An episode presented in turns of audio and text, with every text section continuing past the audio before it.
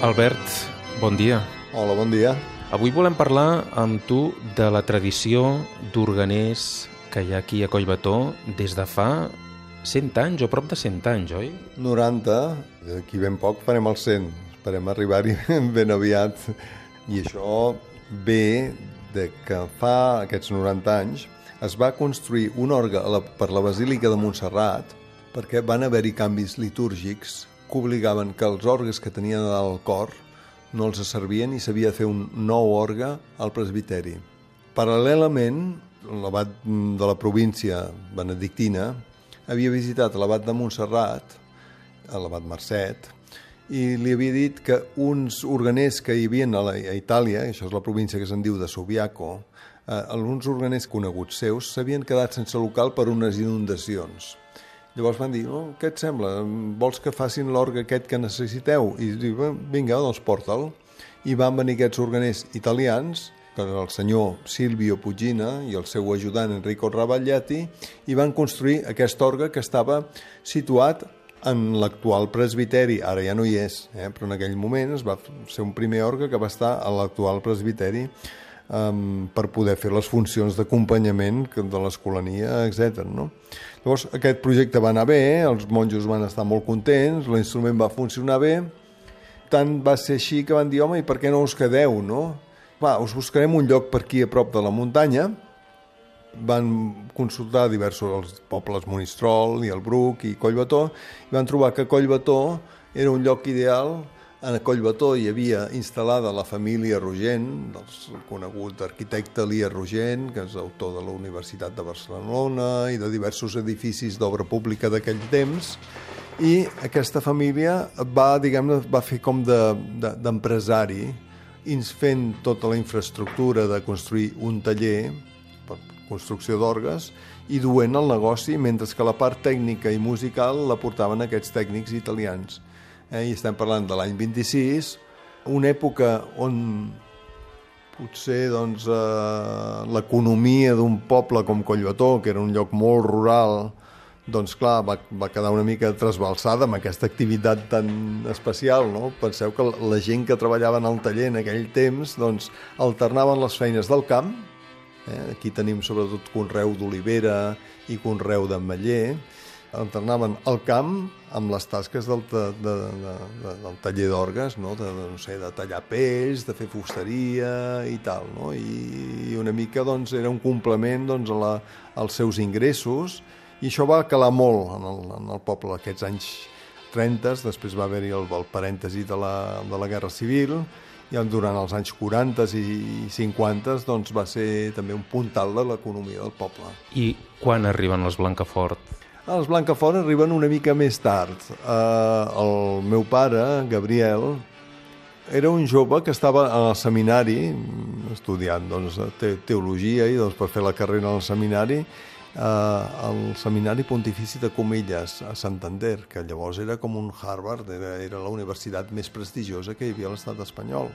I allà els hi feien moltes audicions de música i també d'orga. I allà és on es va enamorar de l'orga. Tant va ser així que va decidir penjar els hàbits, perquè ens entenguem, i dedicar-se, doncs, posar-se en uns altres d'hàbits que van ser els, els hàbits dels orgues. I llavors va entrar en contacte en el, tot el món organístic d'aquell moment, sobretot eh, amb el consell del pare Gregori Estrada, que va ser el qui el va orientar, el monjo de Montserrat, eh, organista i compositor, que molts coneixeu, el va orientar una mica doncs, per, per fer aquest camí d'organeria i el va recomanar per anar a, a París. Però primerament va dir, al París li van dir primer has de fer un aprenentatge al teu país. No? Va anar a parar a Collbató, al taller Rogent, on en un temps doncs, ja va esdevenir un, un membre important. Més endavant, el taller Rogent eh, doncs es, va, es va anar apagant. Aquests tècnics italians, un es va morir, l'altre es va jubilar, i també el tipus d'orgue que construïen, eh, que era un tipus d'orgue pneumàtic, mm, romàntic o postromàntic, doncs també mica en mica anava, anava davallant, el taller Rogent va tancar i llavors el meu pare va obrir un nou establiment amb algun dels treballadors del, del, del taller Rogent, també s'ha de dir que va morir el senyor Rogent, Joan Rogent, i llavors va muntar un nou taller però ja amb un tipus d'instrument molt diferent. Hi ha un instrument més eh, estil barroc, transmissió mecànica, i va portar tot el, totes les noves modes, perquè ens entenguem, que ja estaven en pràctica als països de centre Europa. Quan va ser això? De quins anys estem parlant? Estem parlant de començaments dels anys 60, eh, on, on tanca la, el taller Rogent i comença el taller Blancafort, Blancafort Capella, amb el seu soci Joan Capella, i, i doncs més endavant eh, passa a ser només Gabriel Blancafort i durant des d'aquests anys 60 i 70 i tots els 80 el meu pare i el seu equip, evidentment, per un equip d'artesans, eh, construeixen un més d'un centenar d'orgues nous.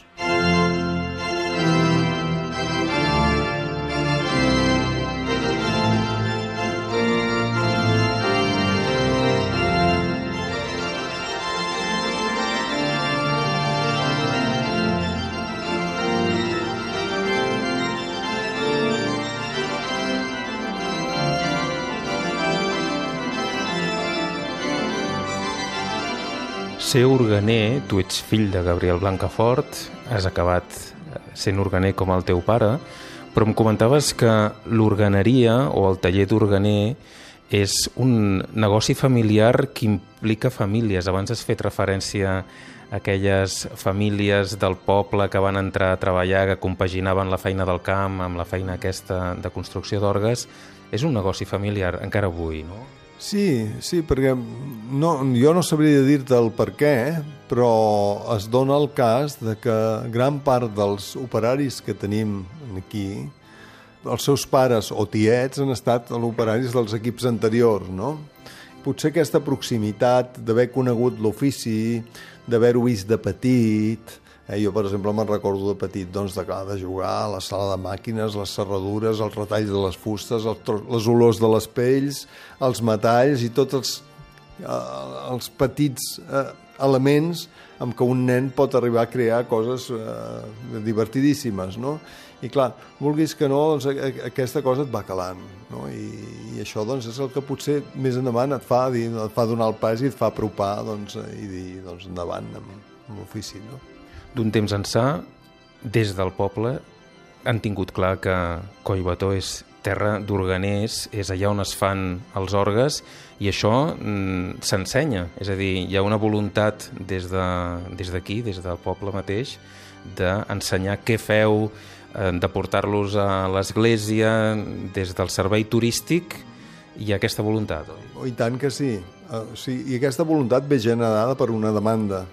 És a dir, jo me recordo de tota la vida de rebre grups de gent, tant d'escolars com de particulars, de músics també, eh, que han volgut visitar el taller d'orgues. Però ha arribat un punt doncs, que les coses doncs, s'especialitzen doncs, i, es, i es concreten i es porten d'una altra manera i per tant l'Ajuntament va ser sensible eh, amb, amb això doncs va crear primerament un recorregut perquè aquesta visita fos realment profitosa eh? i aquest recorregut consta de diversos elements, un d'ells és el nostre taller, però també hi ha l'orgue de la nostra església, que hi ha, on es pot veure un instrument acabat, a més la persona que fa la guia d'aquestes visites ensenya com funciona un orgue, els tipus de sonoritat que té, i després tenim un altre espai també molt a prop, que se'n diu l'Espai dels Organers, que ve ser un museu on hi han diverses peces exposades i un pot fer-se la idea de com funciona l'instrument, la història que té i com és per dintre, que són els aspectes eh, potser més desconeguts, no? perquè si bé tothom coneix o bastant el que és un orgue per fora, tota la part interna ja és... Eh, aquest és el misteri que intentem desvetllar. Ha evolucionat el coneixement de l'orgue? Tu que fa tants anys que et dediques a construir-ne, penses que hi ha una altra sensibilitat, que la gent ja veu l'instrument amb uns altres ulls, eh, es coneix més? I tant que sí, i ha canviat moltíssim. O sigui, al principi, quan va començar la, la, la nostra empresa familiar, el meu pare, doncs l'orgue era un instrument molt, diguem-ne, associat a la litúrgia, i associat a un, un determinat ambient. Um, això s'ha anat, anat transformant. Uh, ara es veu també l'orgue com un instrument de patrimoni, com, com pot ser un quadre, un retaule, una escultura, per tant, és, és un, un patrimoni de més que forma part, tothom en gaudeix, eh? però també hi ha un aspecte cultural i musical i això es nota molt en els concerts.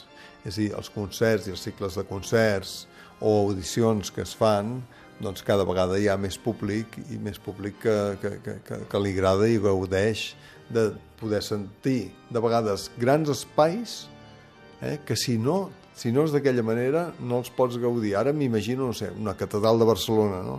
que hi ha molt de turisme, hi ha molt de fluxe, eh? però que si no és, o bé durant una missa, però és una missa és una missa, doncs en el moment del concert pots gaudir d'aquell espai d'una manera diferent. Eh? I doncs per això doncs, eh, ja tenim un públic i un públic que, que, que respon, sí. Doncs, Albert, gràcies per obrir-nos una vegada més casa teva i per explicar-nos aquesta relació del poble de Collbató amb el món de l'orga. Fins a la propera. Sí, espero que de properes n'hi hagi moltes i que les noves generacions, començant pel meu fill, que ara té 12 anys, però que, però que ja, ja, ja té vocació d'enginyer i, de, i també toca una mica i de música també, eh, doncs pugui continuar i que, que, que això duri moltes generacions. Tant de bo. Fins la propera. Gràcies.